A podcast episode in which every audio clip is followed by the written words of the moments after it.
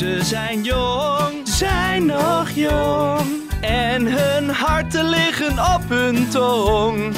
Altijd alert, erg alert. Hun mening eindelijk ongefilterd. Dit is Ongefilterd met Kitty en Elif. Daar zijn we weer na vele weken in de studio, zonder corona. Goedemiddag. Goedemiddag. Alleen nog een hoesje. nee, het gaat alweer. Dat Maar blijft goed. nog eh, maanden. Echt Is dat zo? maanden. Ja, dat hoor ik altijd bij mensen. Ik had het zelf niet. Maar ik heb het niet elke dag. Ik heb het af en toe. Misschien heeft het wel helemaal niks met corona te maken. Ja, het klinkt wel leuker als het wel met corona te maken heeft, toch? Ja, klinkt specialer. hè? Ja, behalve dat iedereen het heeft. Maar Ja, oké. Ja. We gaan het vandaag hebben over ehm, de crisis van de man. Ja. En eh, daarvoor gaan we bellen met jouw goede vriend Berend Sommer. Ja. Maar eerst willen we het over een gezamenlijke ergernis hebben. Namelijk de documentaire van Eva Jinek, De Wereld van Eva, te zien op Videoland. Ga hem vooral zien. Het is of entertainment of irritainment. Ehm, Of informatief, toch? of- of Voor sommige mensen. Ja. Ja, Moeder zijn vind ik waanzinnig en intens en anders dan alles wat ik van tevoren had kunnen bedenken. Kijk, hij kan niet verder, want hij zit vast. wordt een ongeluk. Het laatste wat ik ooit zou willen is iemand bang maken voor zoiets moois. Maar we praten te weinig over wat het moederschap allemaal met ons doet, lichamelijk en geestelijk. Ik zeg hoogste tijd om al die taboes rond moederschap te lozen. Ja, ik schreef er een column over ehm, dinsdag. En ehm, waar ik me een beetje aan erger, is ehm, dat. Ja, er eigenlijk waar wij het ook al eerder over hebben gehad. Namelijk dat het woord taboe nogal snel wordt gebruikt. En dat taboe. Ja, dat we eigenlijk willen dat er een soort taboe komt op het gebruiken van het woord taboe. Mm. Want het is heel irritant hoe dat wordt ingezet. Dat het eigenlijk voor alles wordt ingezet. Wat meestal helemaal niet zo controversieel is. En eigenlijk die documentaire gaat over het doorbreken van allerlei taboes over moederschap. En op de een of andere manier is er een hele grote mythe ontstaan rondom damesbladen en op social media. Dat vrouwen de hele tijd herhalen van je mag het hier niet over hebben. En daarom wil ik het hier nu over hebben. Terwijl ze het er de hele tijd over hebben. Mhm. Ik kan me niet herinneren dat je niet de hele tijd stukken lezen over hoe zwaar het is. Hoe, hoe lichamelijk het zwaar is Ja. om te bevallen. Hoe, hoe psychisch belastend het hebben van een kind is. Ja. Eh, hoe emotioneel dit en dat. En dan denk ik echt... En dan nog steeds leven mensen soort van in de waan van je mag het daar niet over hebben. ja. En daar haakt Eva Jinek dus ook op in. Of op die bandwagon springt zij ook. Want de wereld van Eva gaat dus daarover van de taboes rondom het moederschap. En dan gaat ze op allerlei van dat soort dingen in. Eh, schuldgevoel als je gaat werken, allemaal eh, lichamelijk ongemak waar niemand het over zou hebben. Ja, ik was eigenlijk persoonlijk ook erg teleurgesteld, want ik vond Eva Jinek altijd echt heel tof. En Mhm. toen zij begon, toen dacht ik echt, oké, zo'n soort vrouw heb je eigenlijk niet echt in Nederland. Ze deed me een beetje denken aan van die Amerikaanse Ja. talkshow anchors, zeg maar zo. Ziet er altijd uit om door een ringetje halen en gewoon zo'n super coole chick. En ze heeft natuurlijk ook een beetje die Amerikaanse achtergrond en gewoon mooie kleding en zo. En super scherp, intelligent en gewoon helemaal zo, ja, mensen zo een beetje kunnen afvikken als ze, weet ik veel, Mart Smeets of zo. Ja. eh, heel vervelend zat te doen bij WNL op zondag. Dus ik vind het gewoon heel jammer dat ze dan nu opeens op die libelle tour gaat. En, en dat we dan opgeschreven zitten met de zoveelste clichés. Dat, dat, dat Ja. ergerde mij gewoon echt heel erg. Ja, ja, voor mij was ze dus ook best wel van een voetstuk gevallen. Want ik had dat ook. Ik vond haar altijd echt ook, ook journalistiek best wel een voorbeeld. Ja. Nou ja, dat we doen alsof dat nu niet meer zo is. Dat nee, dat is niet ook wel nog steeds. kan, het, maar kan- het is niet, het sluit elkaar ook Nee, maar, maar het is denk ik wel het bewijs van dat. eh want zelf, ja, als je een kind krijgt, dan verander je dus als vrouw. Wat denk ik voor heel veel vrouwen ook een heel eng en beangstigend idee is. En Eva Jinek was zo'n type vrouw waarvan je dat dan niet zou verwachten. Dat je denkt, oh, maar die blijft wel gewoon zichzelf, zeg maar. En dan zie je dus dit. Toen ze die documentaire ging aankondigen bij Boot, toen zat ik daar naar te kijken en toen dacht ik ook echt van, wat is er met jou gebeurd?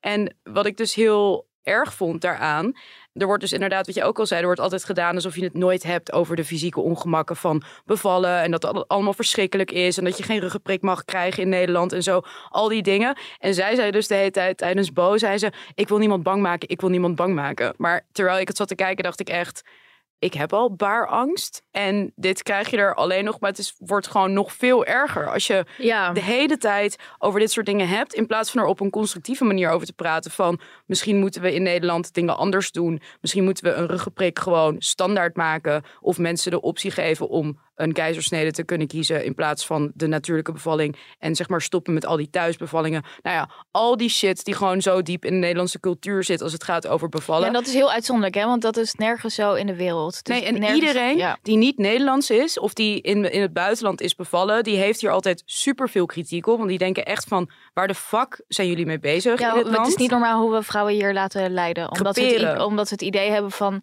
dat is goed, dat is natuurlijk. Ja. Dat is een soort van heel Nederlands idee. Als het natuurlijk is, is het goed en zo. Ja. Ja. en wat ik van Eva Jinek had verwacht als toch wel soort, nou ja, om even een heel erg cliché kutwoord te gebruiken, powervrouw. Maar ik zie haar wel een beetje als feministisch rolmodel. Ja. Is dat zij zoiets zou aankaarten en niet zou meegaan in het oeverloze gemuts over... Oh, dit is zo'n pijn en dan heb je hechtingen. En dan, wat zet jij nou op Ja, Twitter? een kaart- Dan hangt er weefsel uit je vagina. Ja, dus, dus nou, wat, wat ik Mag dus... ik even een braakje leggen? Ik vind Nee, het echt... Ja, waar ik nee, dus kritiek op had, was dat daarover werd gesproken van...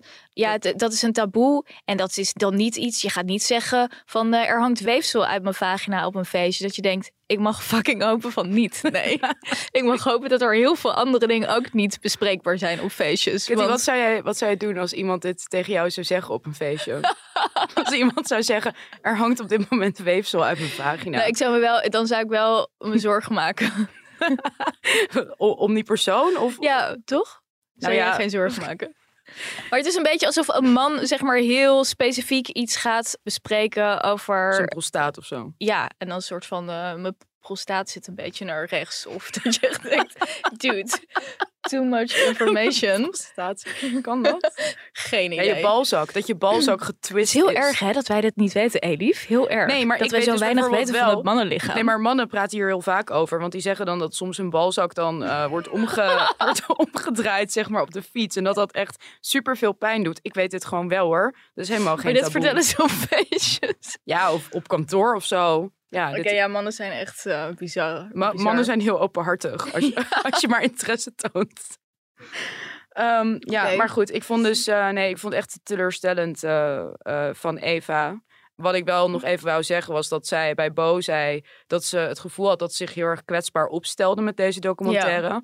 Dus dat ik het ergens een beetje lullig vind om haar af te fakkelen. Want ze zei ook, ik stel me nooit kwetsbaar op. En dit is voor het eerst dat ik eigenlijk Ja, dat is iets wel van gemeen. persoonlijk Maar dat, laat- we hebben niks tegen Eva Jinek. Helemaal niks. Nou, dat is Eva Jinek is fantastisch. Ja, we, we Alleen zijn- maar lof en liefde voor haar, maar dit had ze gewoon niet moeten doen. Nee, maar ik denk dus ook wel dat je gewoon door ja, zo'n productie eigenlijk wordt aangemoedigd. En ik vraag me ook af in hoeverre je dan zelf heel erg invloed hebt op dat soort thema's. Maar ik had gewoon verwacht, kijk, ze, in, in de documentaire heeft ze het wel over dingen als eh, hoe belachelijk het is over die ruggenprik. Ja. Dat dat niet goed is geregeld. En eh, nou ja, wat er allemaal mis kan gaan op het moment dat bijvoorbeeld artsen niet goed zijn opgeleid om te hechten. En wat voor last vrouwen daarvan kunnen hebben. Nou, dat zijn gewoon allemaal wezenlijke feministische thema's, denk ik.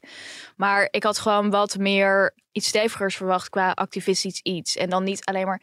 En dat is een taboe en daar moeten we het over hebben. Dan denk ik, dan ga je dus weer in dat irritante soort van tuttige domein. Mutsige, ja. Wat al de hele tijd op die manier wordt alles gedomineerd hier. Het hele vrouwendomein wordt op die manier gedomineerd in Nederland. En dat is juist de reden dat het zo slecht is geregeld. Namelijk dat vrouwen niet expliciet opkomen. En dat ze het niet beter voor zichzelf gaan regelen. Dat ze die, dat niet opeisen. En ik zou dan van de vrouwen als Eva Jinek, nou vrouwen zoals wij ook.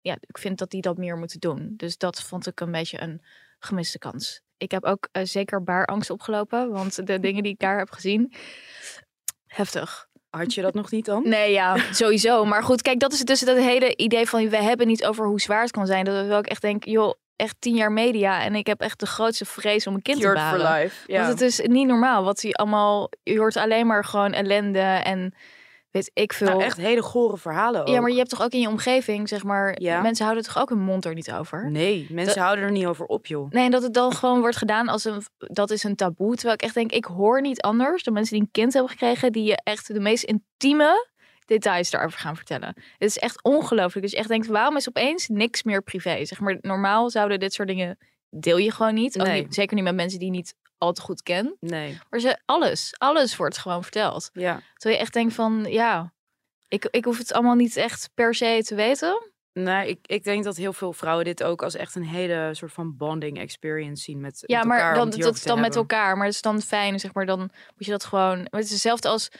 hebben het al eerder over gehad dat mensen die kinderen krijgen... Die denken gewoon dat... Iedereen daarin geïnteresseerd is. Ja, ja, dat is echt heel irritant. Maar ik denk wel, dat is toch ook wel met de tijd veranderd. Dat komt omdat het moederschap of eh, zeg maar kinderen zijn zo centraal komen te staan in mensen hun levens. Dat alles draait erom. Dat mensen er ook gewoon niet hun klep over kunnen houden. Ja, Terwijl je hebt wel mensen die er wel een klep over kunnen Ja. houden. Die zijn heel prettig om nog mee om te gaan. Maar mensen die dat niet kunnen, denk je echt... Oh my god, shut the fuck up. Ja. Ik ga ook niet eh 97% van de tijd over mijn kat praten. nee. Want dat is voor mensen die geen kinderen hebben... of daar niet super in geïnteresseerd zijn. Zo voelt dat gewoon. Toch? Ja, Als je over die darmkrampjes en tepelkloven en weet ik veel waar die mensen allemaal last van hebben. Dat je denkt, het ja, is ook altijd die verkleinwoordjes erin. Daar word ik ook helemaal gillend gek van. Ja. Darmkrampjes. maar sowieso kindje. Is ja, wel, kindje is ook, dat woord, daar wil ik echt op schieten gewoon. Mensen die dat zeggen. Het is gewoon een Wil kind. jij op kinderen schieten? Bizar. Nee. Ehm, soms, nee. Maar baby, kind. Wat is daar zo moeilijk aan kindje? En heeft jouw kindje ook last van Maar darmkrampjes? kindje, kindje zie je dus overal. Dat is dus echt de normale term geworden. Dat laat zo'n inventarisering, vind ik, van onze Ja, taal zien. En dan zou je kunnen denken, oké, het gaat ook om een kind. Ja. Maar een kind is al klein. Zeg maar, je hoeft niet kindje te Nee. zeggen. Je hebt een baby of een kind. Of zeg maar, ja, ik word daar helemaal lijp van. Echt, ja, want ik dan vind zou je zo... gewoon mensje zeggen of zo. Maar dat of zeggen ze toch ook? Die posts en zo die mensen doen als ze het van... eh, vandaag een heel bijzonder mensje ter wereld gebracht. dat je echt denkt, hou op, doe normaal. van mijn kleine mannetje. Ja. Dat vind ik ook Maar het is zo- Maar het is ook zo dat je denkt, mensen maken dingen bijzonder die niet zo heel bijzonder zijn. Mensen krijgen eeuwenlang kinderen, ze gaan eeuwenlang trouwen, mensen gaan dood. Zeg maar, dit zijn allemaal dingen die heel normaal zijn, die bij het leven horen. Ik snap niet waarom dat zo moet worden uitgebuit tot in de laatste vezel. Dat gelul over die gender reveals, baby showers. Ik ga nooit naar een baby shower als iemand mij daarvoor uitnodigt. Echt. Jij was No laatst naar een baby shower. Dat is twee jaar geleden. Oh, oké. Ja, dat is de laatste keer. Die was trouwens wel oké, want het was iemand waarvan ik wist dat ze niet, zeg maar, achterlijke shit moest gaan doen. Maar uit principe ga ik al gewoon niet naar baby showers. Ik vind echt, ik vind het zo'n bullshit. Echt ongelooflijk dat je met volwassen vrouwen daar gaat zitten. Ik, ik ben een keer op een baby shower geweest en toen moesten we gaan raden wat de naam van de baby zou worden. Toen dacht ik echt, mensen, het is gewoon zaterdagmiddag. Iedereen heeft een baan. Gewoon, waarom de fuck zou ik dit doen? Het is zo debiel. En hoe moet je dat ook echt... Ik bedoel, Ja. dat kan ook niet. Nee, dat kan Toch? ook niet. Ja. Maar is, denk je dat het een meisje wordt? Of een jongetje? En dan denk ik, oké, één van de twee. Wat maakt het uit? Weet ik veel. We gaan het zien, toch? Eh, ja? Dat is zeg maar het niveau van een baby shower. Het is gewoon totaal infantiel. Waarom kunnen jullie niet gewoon een volwassen mens zijn die een kind krijgt? Waarom moet iedereen mee in die inventarisering daarvan? Maar de meeste mensen vinden baby showers wel echt heel kut. Ik ken bijna niemand die dat leuk vindt. Jij? Nee, maar dat, dat is dus het ding. Dus iedereen voelt zich gedwongen om. Ja. Weet je, het is net zo erg als een vrijgezellenfeest. Dat is ook heel erg. Dat is wel minder erg. Dat is wel minder is erg. wel maar leuker voor mij wel voor de mensen die moeten komen. Voor in dezelfde categorie van uh, dingen die ik eigenlijk liever niet wil doen. Ja, gewoon het overvieren van dingen in je leven. Ja. Toch? Want dan moet Ja. zeg maar elk evenement moet soort van heel erg groots gevierd worden met allemaal mensen erbij en zo. Terwijl je denkt, je belast mensen echt onwijs. Ja. Moet ze weer, weet ik veel, hoeveel 80 euro of zo betalen voor zo'n achterlijke luiertaart. Je denkt, the fuck? Die bedoel, niemand wil. Ja, dat Nee, echt- wat doe je daarmee? Dat ga je toch niet gebruiken, of wel? Ik weet niet, zitten er toch echt luiers in? Ja, Ja, het is niet een taart die je eet. Het is gewoon een taart van luiers. ja. Ik ben verder bijna nog nooit op een baby shower geweest. Echt love my life. We gaan eh, naar een veel belangrijker thema. De crisis van de man. Ehm, nou, jouw goede vriend eh, Berend Sommer schreef een boek. En dat lezen wij nu allebei. En dat gaan we nu schaamteloos promoten.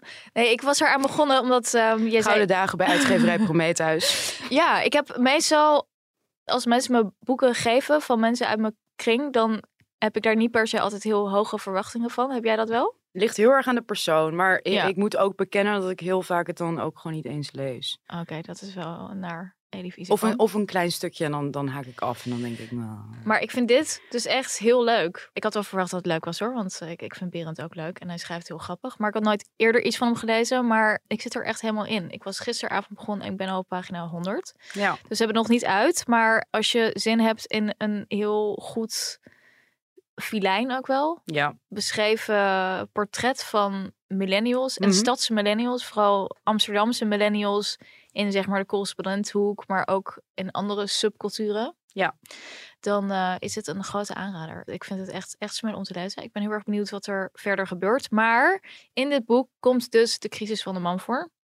En daar gaan we even met Berend over bellen. Ja, Berend eh, die zit in Parijs, want daar woont en daar werkt hij. Dus vandaar dat hij niet bij ons in de studio is. Een groot heel gemis. ehm, Maar romantisch leven. als het goed is, heeft hij zich al een beetje kunnen bezatten voor dit gesprek. Ja, Was hij we zenuwachtig? Hij is natuurlijk heel zenuwachtig en Ja, terecht. snap ik. Dus eh, laten we die arme jongen inbellen voordat hij eh, te lam is om nog te kunnen praten. Is goed. Dit is de receptie van Ongefilterd met Kitty en Elif. Ik verbind u door. Berend Sommer. Hallo? Ja, we gaan even eerst eh, naar een paar fragmenten luisteren. En eh, dat gaat over de crisis van de man. Ehm, Ja. En we dachten, het is leuk als jij eh, even meeluistert. En ehm, laat weten wat jij daarvan vindt ook. There are a lot of men that are walking around with penises, but they have the mind of a woman. They have the mind of their mother. And they don't know how to fix it. Women don't want a weak man. We all want power. Women may, may act like they want a man they can control. But when they find that they can control him and manipulate him, they realize he's useless. What do I need him for? A leader in the home is not a nice guy. We hebben net geluisterd naar een Amerikaanse mannen-influencer... die eigenlijk mannen ehm, aanmoedigt om meer man te zijn. En dat is wel iets wat je een beetje in de internetsferen ziet. Niet alleen bij Mhm. incels, maar breder. En dat is ook een beetje het thema wat jij aanraakt in je boek. Ja, hoe, hoe kijk jij daarnaar? Naar coaches. Dit is eigenlijk een mannencoach, hè? Ja, maar zeg maar naar, naar dit, dit genre van zeg maar mannen moeten meer mannen zijn en de man ligt onder vuur en er is een Ja. crisis van de man. Ben jij in Eh, crisis trouwens? Nou, ja. Maar ik denk ook dat... ehm, ik ben kunstenaar, dus ik heb die crisis ook nodig om iets te maken. Dus ik heb ook twijfel nodig om eh, verder te komen. En ik vind eh, ook dat de man heel erg in crisis is. Maar mijn vraag is eigenlijk, is dat erg? En ik denk eigenlijk dat dat niet zo erg is. Maar heb jij, heb jij van jezelf ook het idee dat jouw mannelijkheid bedreigd wordt? Nee, nee. Maar ik denk dat het ook heel erg een crisis is in zelfvertrouwen. Dus dat zeg maar, de tijden zijn heel erg aan het veranderen. En het is dan heel lang zo geweest dat je als man gewoon een kind en een vrouw en een gezin en gewoon lekker naar werk moest en eh, zondag een biefstuk moest snijden. Dat is een soort van troop van, ja, zo ziet de tijd. mannelijkheid eruit. Ja. Je hebt het voor het zeggen. Het liefst zoveel mogelijk, maar in ieder geval dat gezin heb je in elk geval onder je, onder je hoede. En eh, als dat ophoudt, ja, dan vraag je je af hoe moeten we dan nu verder? En, en dat is een beetje de vraag die nu gesteld wordt. Van ja, die macht die wordt eigenlijk bevraagd. Ja, De macht van de man. Ja, ja de vanzelfsprekendheid van de macht Ja. van de man. Ja. En, eh, maar, je- oké, maar jij denkt dus dat het niet per se erg is. nou, het is juist spannend. Het is spannend. Het is ook goed, denk ik, dat macht wordt bevraagd. Nee, ik heb met mijn boek Gouden Dagen, mijn roman die vorige week uit is gekomen. Bij uitgeverij Prometheus, ja. Bij Wil je nog uitgeverij even, Koop in de betere boekhandel. wil je nog even de prijs noemen? voor een vriendelijke prijs. Ehm, de vraag is, heb ik uitgewerkt van wat het is om een man te zijn. En er is niet een eenduidig antwoord op natuurlijk. Maar je hebt wel ja, een aantal verschillende problemen waar een man tegenaan loopt. En ik heb geprobeerd om daar een aantal van uit te werken in mijn roman. Ja. En kan je een beetje ingaan op wat voor soort problemen waar mannen nu tegenaan lopen? Nou, je hebt bijvoorbeeld, ik denk dat het niet per se voor mannen is, maar ik denk bijvoorbeeld, ja, hoe vind je de juiste partner? Hoe ga je om met internet daten? Ja, wat nou als een vrouw enorm veel keuze hebt en, en jij eigenlijk veel minder? De Ja. ongelijkheid op de liefdesmarkt. Ja, ik heb natuurlijk heel veel over nagedacht, over wat het is om een man te zijn. En volgens mij is de essentie dat het een vraagstuk van controle is. Dus dat heel veel mannen niet meer het gevoel hebben dat ze controle hebben op hun leven of op de wereld om zich heen. Het grappige daaraan is dat dat natuurlijk helemaal niet een exclusief mannelijk probleem is. Want vrouwen worstelen daar ook mee. Bijvoorbeeld de hoofdpersoon in mijn roman worstelt ook met dat controleverlies. Ehm, Maar vrouwen hebben, ja, hadden vroeger eigenlijk heel weinig controle. Dus Ja. dat is wel het contrast, toch? Ja, dat is het contrast, dat is het verschil, ja. Ja, maar die hebben natuurlijk, degene die nu controleverlies ervaren, zijn niet dezelfde die het gebrek aan controle zelf hebben meegemaakt. Maar hoezo ervaren vrouwen nu controleverlies? Nou ja, dus, dus zeg maar de huidige generatie vrouwen heeft nooit te maken gehad met hoe, hoe het is om als vrouw geen nou ja, keuzes te hebben. keuzes, keuzevrijheid Ja. te hebben. Ja, Dus dat is waar.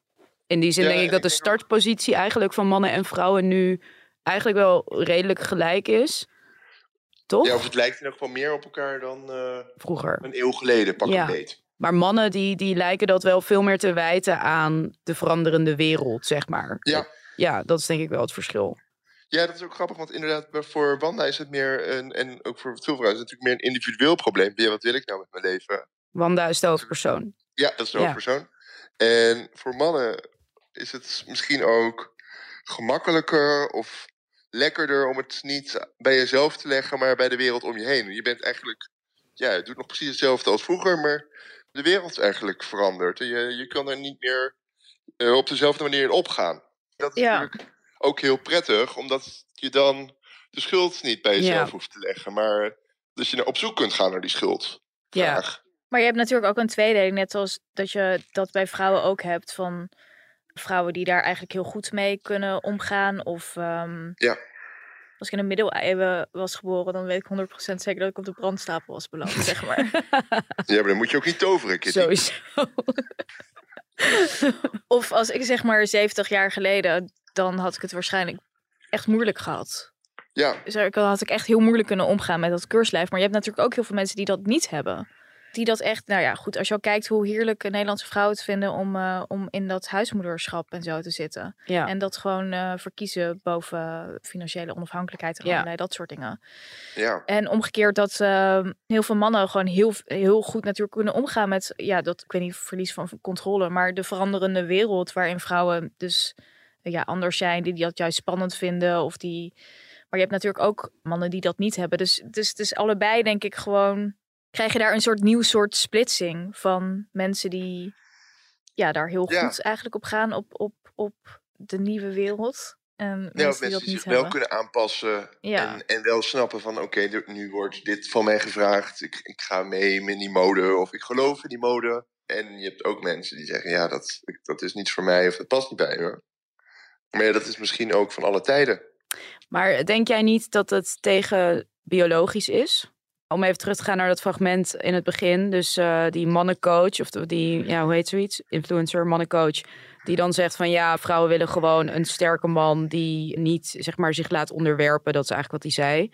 Ja. Ehm, jij bent niet van de soort van biologische gedachtegang van ja, dat zit gewoon vastbesloten in de soort van genderaard. Hoe zeg je dat? De geslachtsaard. Jawel, maar ik denk ook dat iedereen wil toch heel graag iemand met zelfvertrouwen. Dat geldt niet alleen voor vrouwen, maar dat geldt ook voor mannen. Dus het is toch leuk als je een vriendin hebt met, met veel zelfvertrouwen en niet iemand die heel... eh, Dat vind ik echt Ja, heel lief dat je dat zegt. Want ik denk dat jij dat wel zo ziet. Maar dat heel veel mannen het juist heel fijn vinden om een vriendin te hebben die niet heel veel zelfvertrouwen heeft. Ja, maar ik denk ook, mannen hebben ook behoefte aan een soort van spanning of aan iemand waar je niet zomaar overheen kunt walsen. En voor vrouwen vice versa. Het is natuurlijk heel logisch. Ja, maar je- dit is dus wel die splitsing, denk ik. ik denk Ja. dus dit, dit zeg je omdat je een geëmancipeerde man bent. Maar er zijn ook natuurlijk mannen die dat niet hebben. Die dat heerlijk veilig vinden. Gewoon iemand waar ze wel het, het gevoel hebben, daar heb ik controle over. En die Ja, gaat niet opeens weglopen met eh, een, een, beter exemplaar. Ja, vrouwtje die Nee. piepers maakt. Toch? Hoppakee. Pieperschillen. ja maar ik, ik weet niet of ik het daarmee eens ben. Want jullie zijn toch ook allebei vrouwen die een woordje klaar hebben. Je hebt toch ook de mannen voor het uitkiezen? Ja, maar als we nog even teruggaan op wat die man nou daadwerkelijk zegt. Ik ben wel benieuwd hoe jij daar naar kijkt, eh Elif. Want dat ze zegt van ja, vrouwen willen dat toch wel. Gewoon een man die zeg maar de baas is eigenlijk. Dat is wat hij zegt. Ja, hij zegt het dan weer, hij zegt het heel extreem. Maar ik denk wel dat er wel wat voor te zeggen valt dat vrouwen wel zich seksueel meer aangetrokken voelen tot wat sterkere mannen. En sterk is even heel breed gezegd, zeg maar. Dan echt mannen die zeg maar van die pushovers zijn, toch? Ja. Ik denk wel dat er een kern van waarheid in zit. Ik weet niet of het, of het Ik denk wel echt dat het persoonlijke voorkeur is. Want ik zie ook heel veel vrouwen die dat niet hebben. En ook niet op langere termijn dat ze die ook dat niet hebben. Maar ik denk wel dat het voor vrouwen belangrijk is om een beetje op te kijken of zo tegen een man. Ja, je moet wel, of in ieder geval op hetzelfde niveau te staan. Niet dat hij zeg maar ondergeschikt is aan jou. Dus zeg maar het prototype vrouw wat dan de man helemaal heeft afgericht. Dat Ja, dat is afschuwelijke... vreselijk. Dat is zeg maar de vrouw die zeg maar eh, op zaterdagochtend in Ikea haar man staat af te bekken Oh, bij de dat kassa. vind ik ja, dat zo is vreselijk. vreselijk. Ja, en dan zie je Die man... jullie daar altijd tegen. Ja, want wij gaan zelf ook nee, dat altijd is een naar Ikea. archetype. Volgens mij heb ik dat ergens in een column gelezen. En ik dacht, oh ja, dit is echt precies, dit is echt precies Ja. gewoon de horror. Ja, en dan Dit zie is je zo'n zo'n zullige man er zo heel, heel verdrietig in korte achteraan broek op slippers. Ja, Ja, maar die man specifiek heeft dan toch een vrouw gevonden. hè? Maar die moet dan voor zijn mannelijkheid moet hij dan zeg maar een game room gaan inrichten. Oh, nee, maar ik heb, Of, ik, heb, ehm, ik heb een keer op een eh, redactie gewerkt. Ik ga niet zeggen waar. Waar heel veel van dit soort mannen werkten. Elsevier, waar je nee, ik ga niet, ik- nee, nee, nee, nee. Ik ga niet zeggen waar. En dat daar, daar werkten heel veel van dit soort mannen. En hun uitlaatklep is, volgens mij, om dan tegen collega's heel erg lullig over hun vrouw te gaan praten. Dus dan, dan gaan ze Oh. op werk hun vrouw zitten afzeiken. En dan weet je gewoon, dit zijn van die mannen die op, op zaterdagochtend in de zenos achter hun vrouw aan moeten shocken om Boeddha-beeldjes te kopen. Dat weet je gewoon. En dat zijn dan dezelfde. terecht de wraak, Elif? Eh, nee, nee het vind, ik vind het geen effectieve wraak. Jij? Ik denk niet dat, het, dat de vrouw er heel veel last van heeft. Ja, wel als ze het zou weten trouwens. Maar ik zou Ja. dat dus nooit van een man vragen, dat soort dingen. Nee, natuurlijk niet. Nee. Ik was er heel erg, mag ik even een compliment Ja. uitdelen, eh Berend Sommer? Er zit in het begin, zit er een, eh, want de ho- hoofdpersoon is een vrouw. Dus Ja, jij hebt dat je moeten verplaatsen in een vrouw. Dat is Ja. heel eh, anti-woke. Tegen de... Nee, Nee, dat is juist heel dat is woke. juist heel feministisch. Ja. Ik wilde juist eh personage van een vrouw gebruiken, omdat je daarmee iets meer distantie kunt scheppen tot een man. Dus dat je ook kunt laten zien van, oh ja, wat, wat is die man nou aan het doen? En ik was er bang voor dat als ik een mannelijk personage zou zijn, dat het heel, ja, heel beknellend zou werken. En dat het een soort van narratief zou worden van, ja, we mogen niks meer, we kunnen niks meer. Dat blijft Oh, ja. eigenlijk nog over. En dan krijg je een soort eh Sint-Lucas-achtig verhaal. En, Maar ik dacht dat we tegenwoordig vinden dat je, zeg maar, als je een lesbische vrouw... Je mag alleen over een lesbische vrouw schrijven als je zelf een lesbische vrouw bent, zoiets. Oh ja, eh, op die manier is het al wel anti-woke, ja. Maar ik, ik vind het heel boeiend dat uit de oog van een vrouw is geschreven. En ik was dus echt heel erg onder de indruk van jouw vrouwelijke blik. Want zij gaat je. dan op die dates en dan zitten die mannen gewoon helemaal zo ja, heel filijn te beschrijven. En dan denk ik, dit is echt precies hoe vrouwen dit kunnen zien. En er zit Ja. dus één zin in. En dat gaat dus over een of andere gast, een of andere marketing guy die dan uitgebreid, zeg maar, zo op zo'n terras zit te vertellen over de verschillende strategieën bij eh, rituals waar die werkt. Echt, echt Ja. heerlijk beschreven. De Oosterse look and feel heet dat. Ja.